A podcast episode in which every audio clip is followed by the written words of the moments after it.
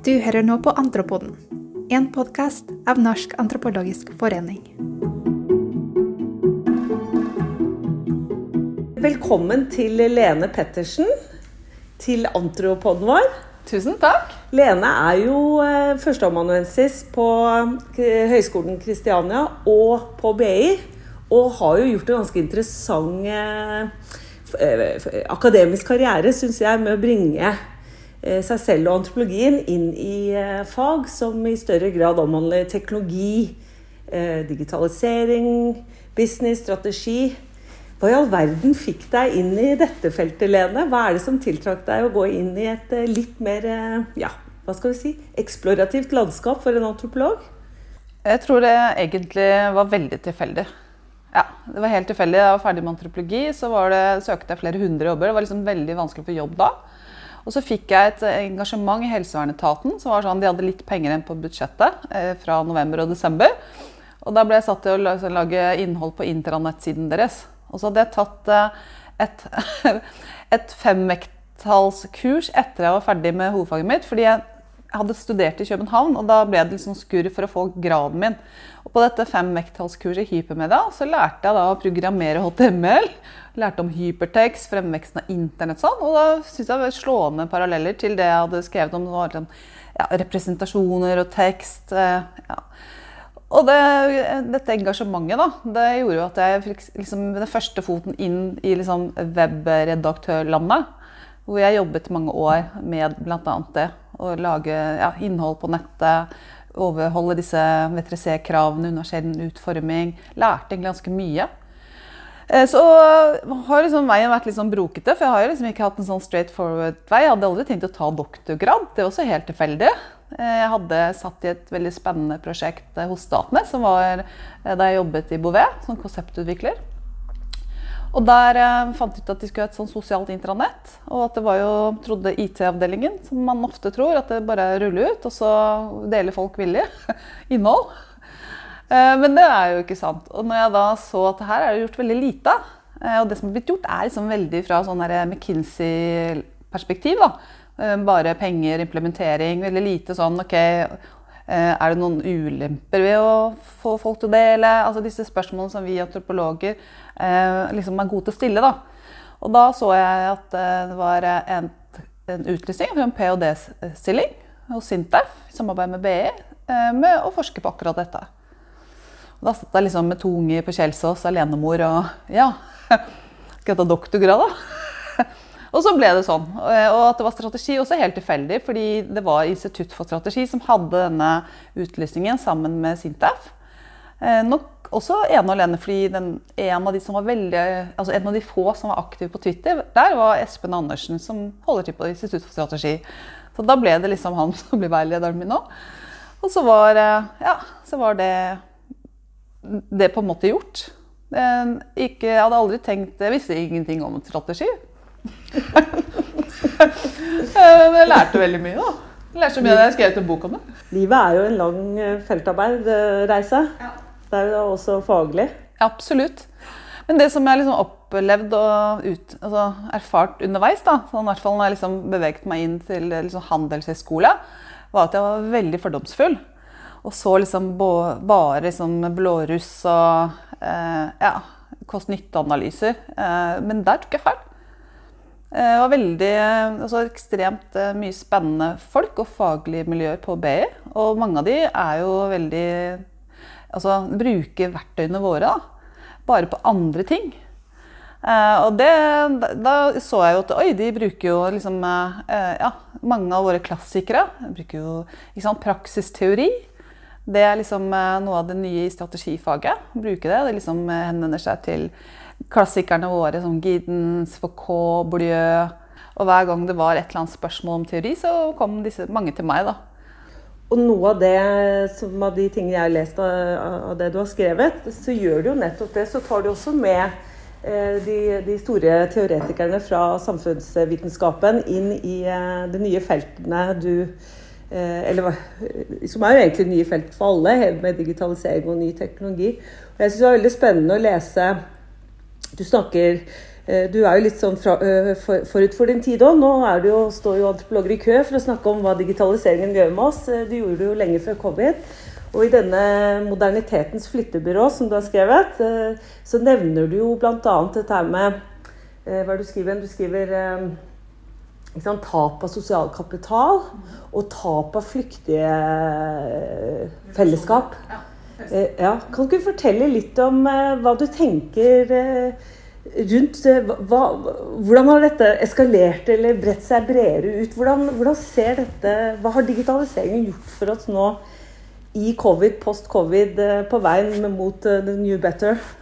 Ja, nei, altså, Jeg tenker også at det var litt eh, Jeg vil ikke si gøy, for det er jo ikke gøy med covid-19. Men de tingene som jeg skrev og tenkte rundt i den artikkelen, de fikk vi på en måte syretesta litt nå. da.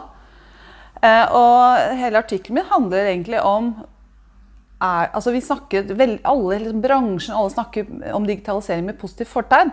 Og det er jo selvfølgelig veldig digg å slippe å stå den lange køen på Tøyen eh, for å levere selvangivelsen.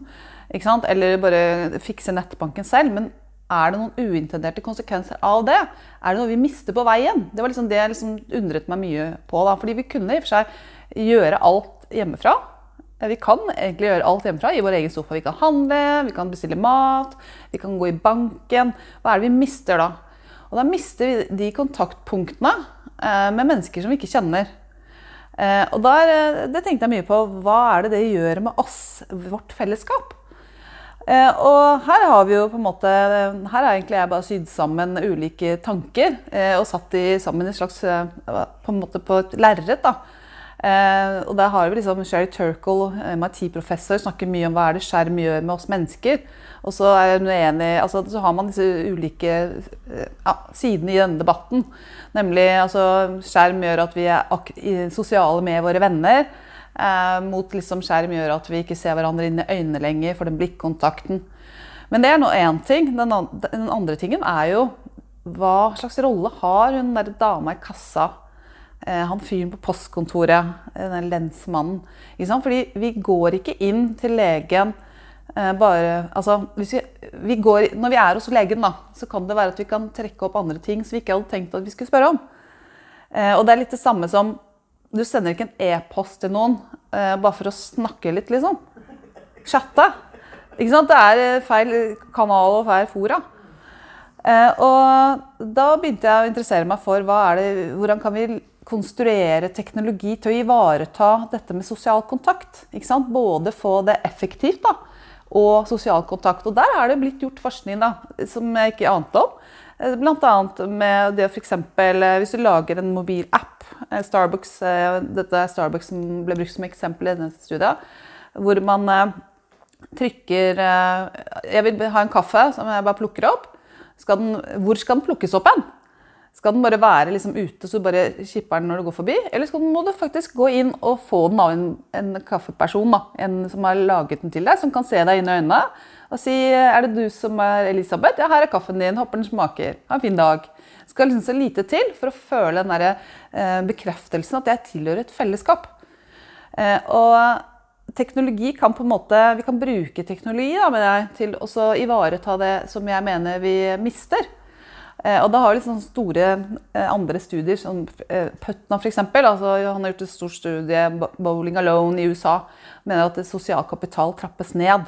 Og han skylder liksom på dataspill og TV og sånn. Men min påstand er ikke det er ikke dataspill og TV som gjør at sosial kapital trappes ned. Det er det at man kan ha en forflytning av kontekst som er liksom nøkkelen, da, mener jeg.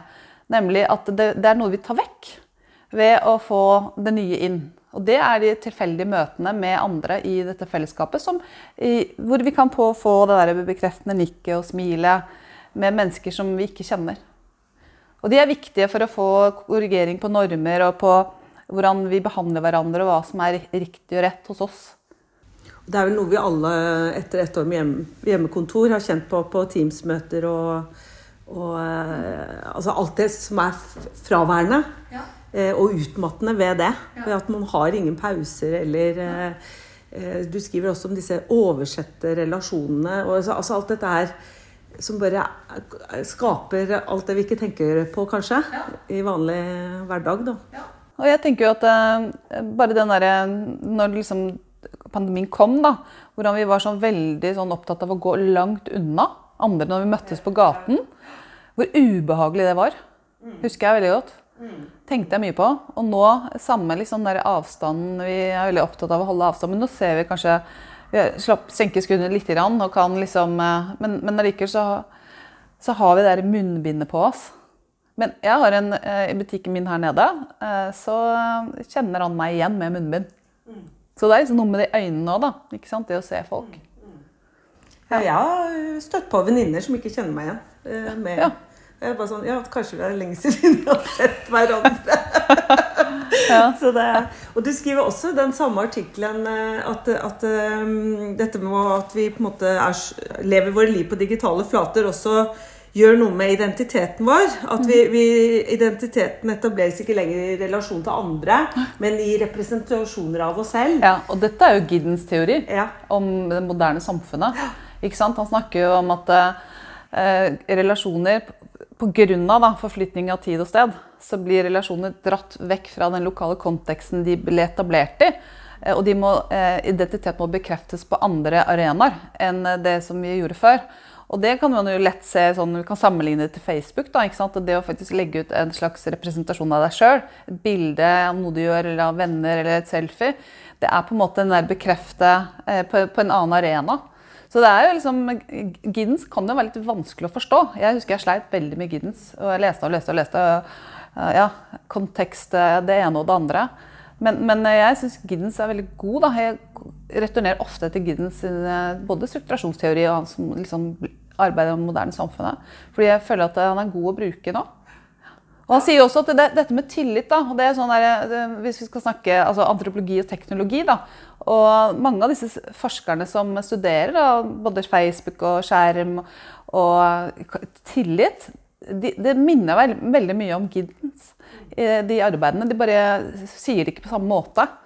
Og samme liksom at eh, Hvorfor har vi eh, ratingmekanismer? da, ikke sant? Det er en, en, en kapital for å bygge tillit. Og det er samme som at vi trenger å ha tillit til f.eks. som Giddens igjen snakker om, at du setter deg inn i, i en bil da, uten å forstå teknologien i den, for du har tillit til ekspertsystemene. Eh, Og det er sånn, oi, det er veldig interessant et, et sånn vindu å bruke, syns jeg, på de tingene som jeg studerer, som plattformer, digitalisering, teknologi. Ja. Jeg tenkte også, bare litt sidespor på det, men når jeg leste det, så tenkte jeg at dette er jo også kanskje en forklaring på den motsatte siden. Også hatytringer og dette her med at man tillater seg å, Ja. å bli så ekstrem, da. Eh, på sosiale kanaler. Ja. Med denne fraværet av andre som kan på en måte være med å, å Korrigere. korrigere deg. Ja. Du mangler de korrigerende. Det blir bare denne selvnarsissistiske ja. fremhevingen. da. Ja. Men jeg ville bare egentlig, egentlig skulle jeg bare spørre om eh, For det er jo også, du gjør jo veldig mye interessant og morsom forskning. forskning. Jo, Og du, du er jo også på datingapper. Eh, er jo et annet felt du også forsker på. Og har jo også vært eh, med på dette Gift ved første blikk-TV-serien. Mm.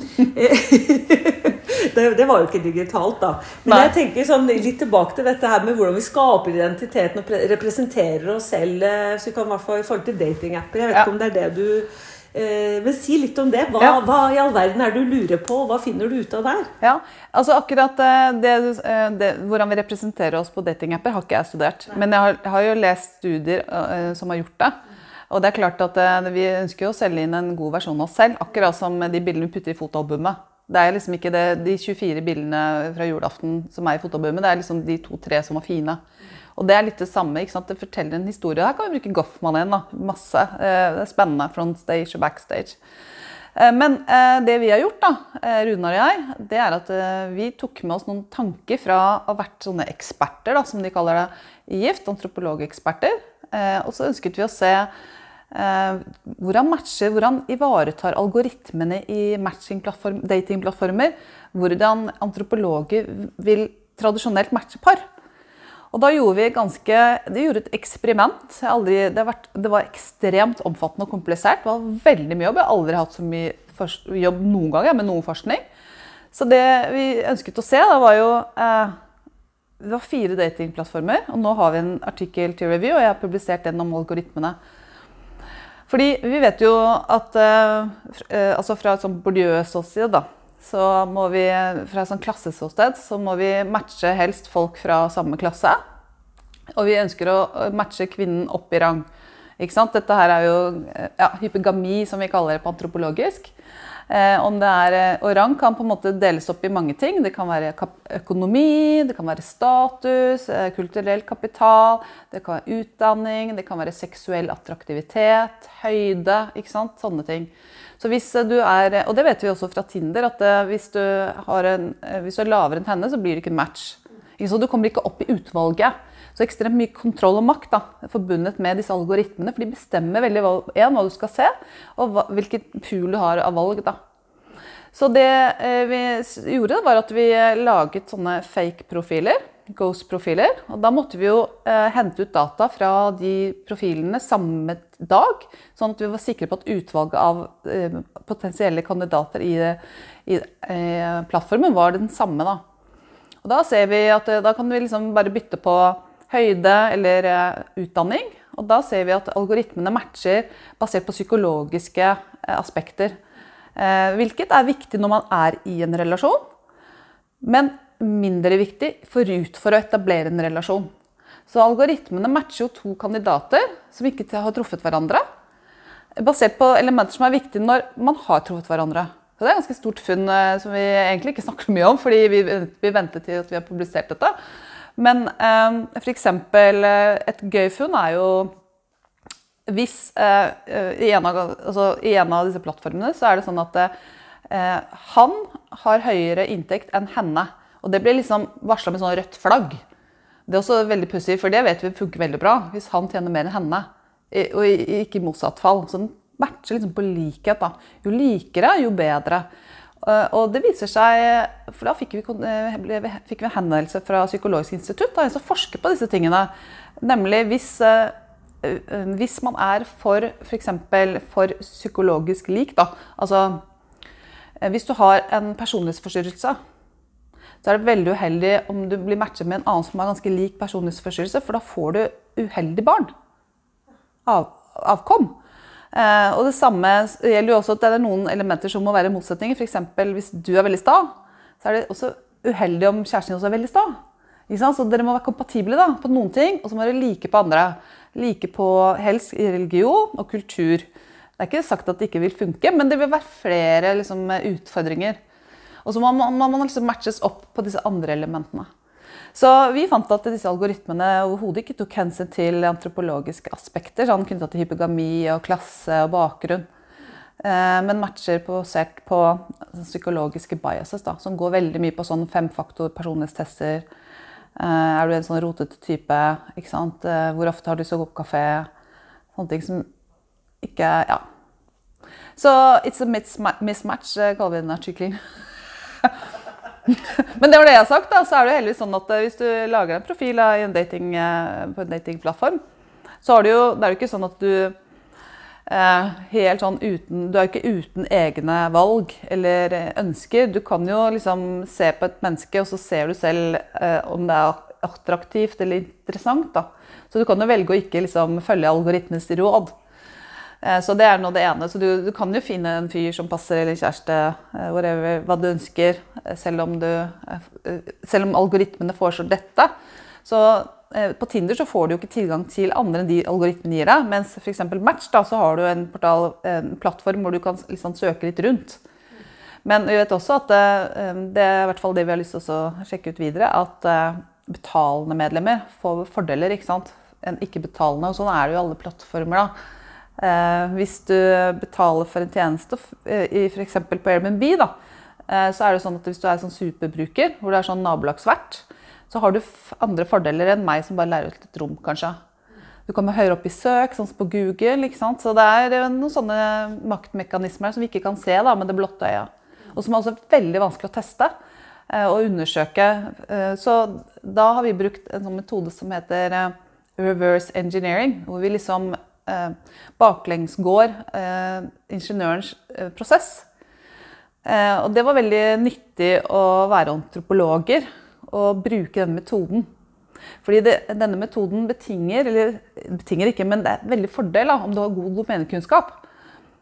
Domenekunnskap, altså du, at du vet, eh, har en god, god innsikt i det denne plattformen gjør eller tilbyr. Og dette med å matche mennesker hadde jo både Runar og jeg erfaring med gjennom dette TV-programmet. Så eh, det, det, var veldig fin, eh, et godt eksempel da, på hvor viktig det er å ha antropologien i, i, sekken, uavhengig om det er algoritmer du studerer eller uh, Himalaya-folk.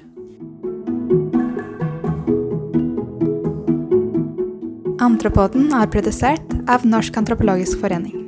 Følg med på Norsk antropologisk forening på hjemmesiden vår antropologi.org.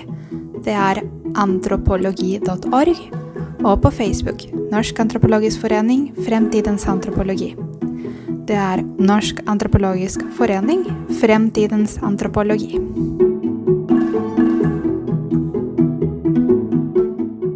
Ja, og det relatert til, som du også nevnte, er jo disse ratingsystemene. Digitale ratingsystemene. Jeg er jo selv på ikke, ikke Tinder, men på Airbnb. Ja. Jeg blir jo får helt magesår hver gang du skal legge en reviews og, ja. og, i det hele tatt. Men jeg tror likevel så, det, så, kommer man høyt opp i søk, og det er veldig veldig rart. Men jeg tenker, hva, igjen med et antropologisk blikk, da. Eh, hva, eh, hva, sier dette og, og dette med liksom, rating handler egentlig om hva syns vi om hverandre? Ja, Som igjen handler jo om å forstå kompleksitet og ha tillit til hverandres oppfatninger og vurderinger. Hva skjer når dette puttes opp i en sky og inn i en matematisk modell skapt av ingeniører? Nei, altså det, for det, Dette var jo studiet vi gjorde da jeg jobbet i SIFO.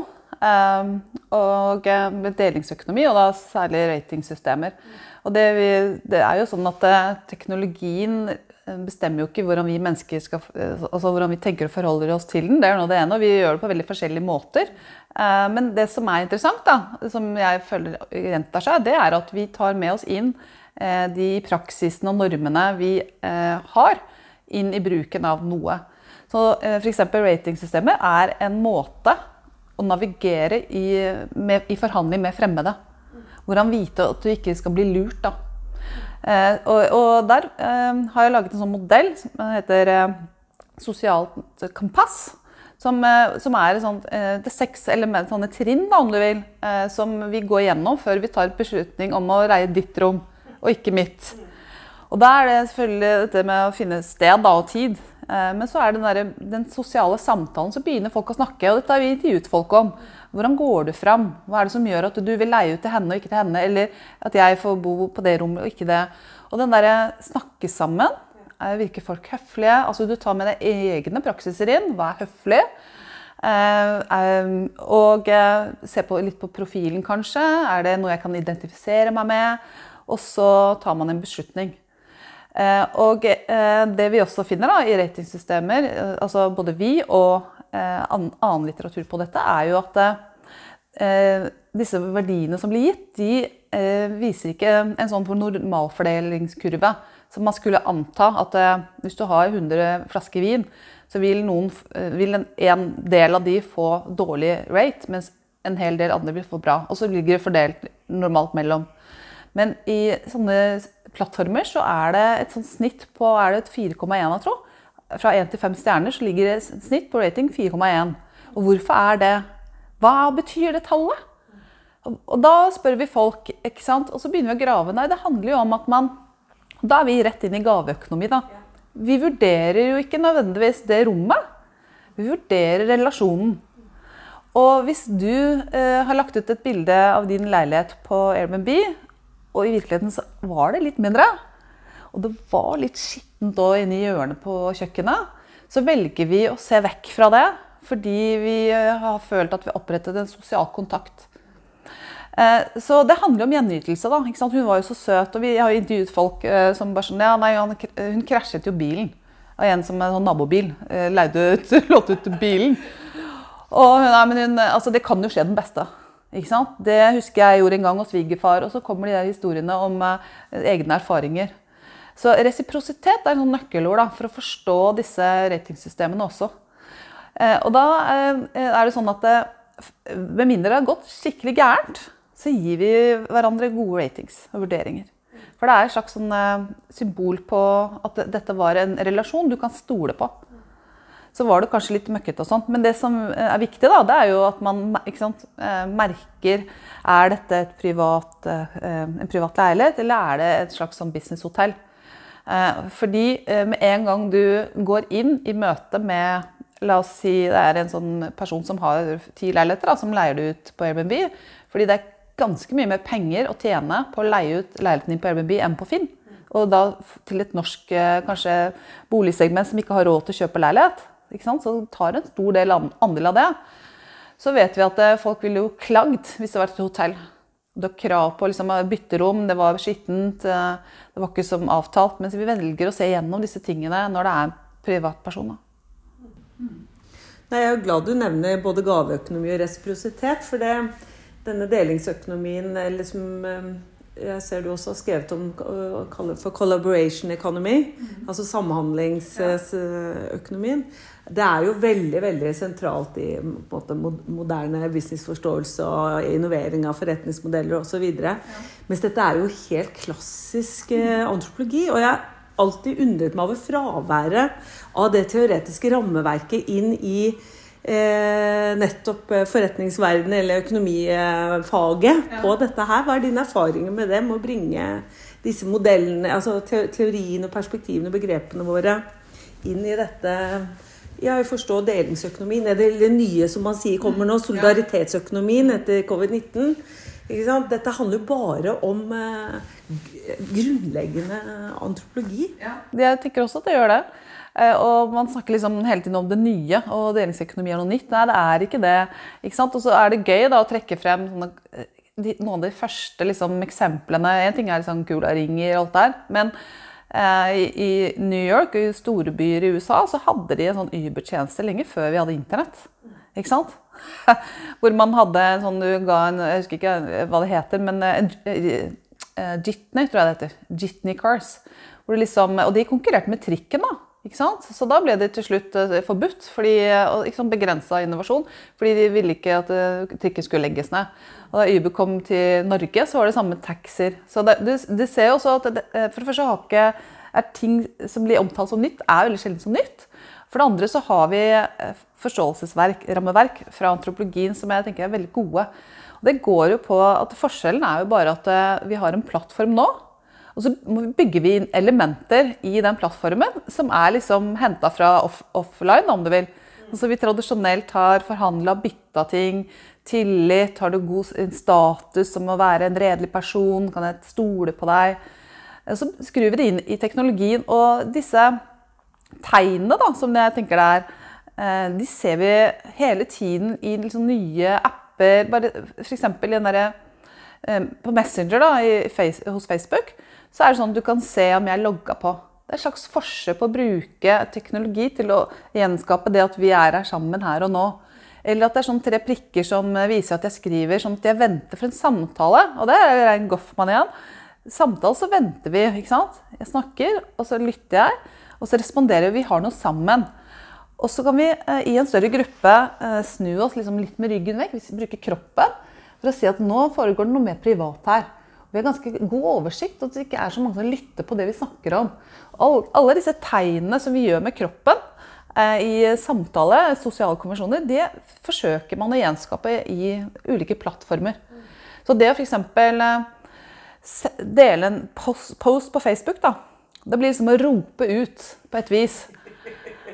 Og så vet du ikke hvem som er der.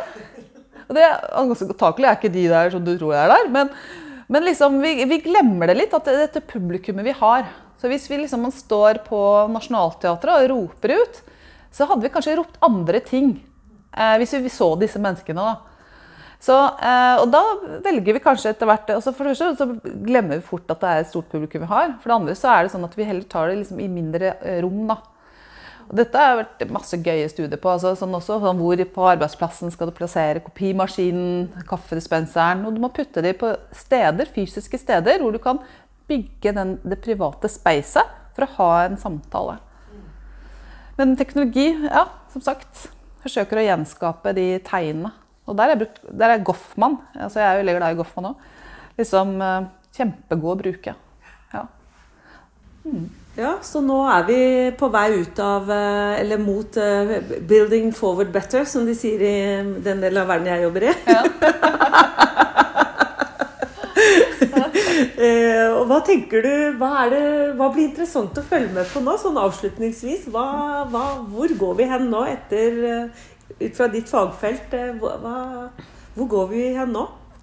Hva er morsomt å tenke litt på framover? Jeg tenker jo at eh, Jeg tenker to ting, da.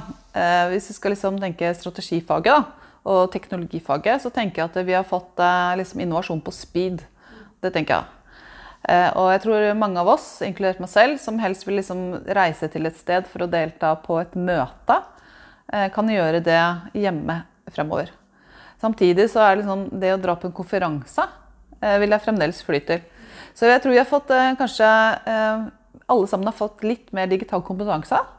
Som vil gjøre oss litt mer rusta til å ta i bruk nye verktøy, og ikke være så redde for det. Det er det ene, tenker jeg. Så det har på en måte vært en liten innovasjon der. Samtidig så tenker jeg at eh, vi er mennesker. Eh, Den krisa som kommer ut i andre enden, er jo eh, forhåpentligvis, tror jeg, da, at vi vil kanskje sette litt mer pris på de folka i butikkene, de som, disse flyktige relasjonene. Eh, og så tenker jeg at eh, så er jeg litt bekymra for at det vil komme opp et nytt skille i befolkningen mellom de som eh, har tatt vaksine, og de som ikke har gjort det. Det tenker jeg, og det tenker jeg altså, så- så- ja, Sånn som disse føringene har blitt med vaksinekort og sertifikat, at det kan bli en ny klasse, da, om du vil. De ikke-vaksinerte. Som jeg tenker vi må ta på største alvor. Eh, For nå er det veldig sånn, apropos det å snakke, altså si noe i en forsamling eh, hvor alle er uenige, litt sånn ekkokammer og hatkommentarer. Hvis du skriver på Facebook da, jeg har ikke tenkt å ta vaksina, så vil du få ganske mye hat da, ikke sant? Samtidig så er det jo en del som, så er det valgfritt å ta vaksinen. Ja. Så det tenker jeg er noen av tingene som vil komme ut av, at vi må, ja, og så vil vi lære, da. ikke sant? Og så tenker jeg også sånn fra sånn strategiståsted. da. Hva er strategi? Jeg har skrevet en bok om det. Eh, Og strategi er veldig mange ulike måter å definere på. Eh, Og det er veldig sjelden at en strategi blir gjennomført slik som den var tenkt. Og det tenker jeg er et veldig godt eksempel på. Altså, Strategi i praksis strategi i praksis er ikke sånn bare tiltak eh, å implementere A, B og C og D, og så spyttes det ut en helt sånn frisk befolkning. Ja, men et veldig godt eksempel på at du hele tiden tar beslutninger i usikre omgivelser. Det er det jeg tenker strategi handler mye om. Å ta og forsøke å navigere ut ifra det du har av kunnskap og informasjon der og da. Og det bildet forandrer seg fra dag til dag. Så eh, hvis du skal ut og lage en ny butikk, altså en, en ny business, så kan du liksom ikke ta for gitt at det, så- hvordan verden er i dag, vil også sånn vil være forretningsmulighetene være i morgen. Men vi må endre oss hele tiden. da. Endring går veldig fort. Bra. Ja. Takk for praten, Lene. Takk for at du kom på besøk. Ja, det var veldig hyggelig å møtes fysisk. Ja, veldig hyggelig, syns jeg òg. Det har vært veldig koselig. Ja, lykke til videre. Takk. Ja. Antropoden er produsert og regissert av Elisabeth Fosseli Olsen og redigert av Magali Cortade. Sangen vi tar i bruk, er 'Wholesome' av Kevin MacLeod, som vi har lastet ned fra Incompetech.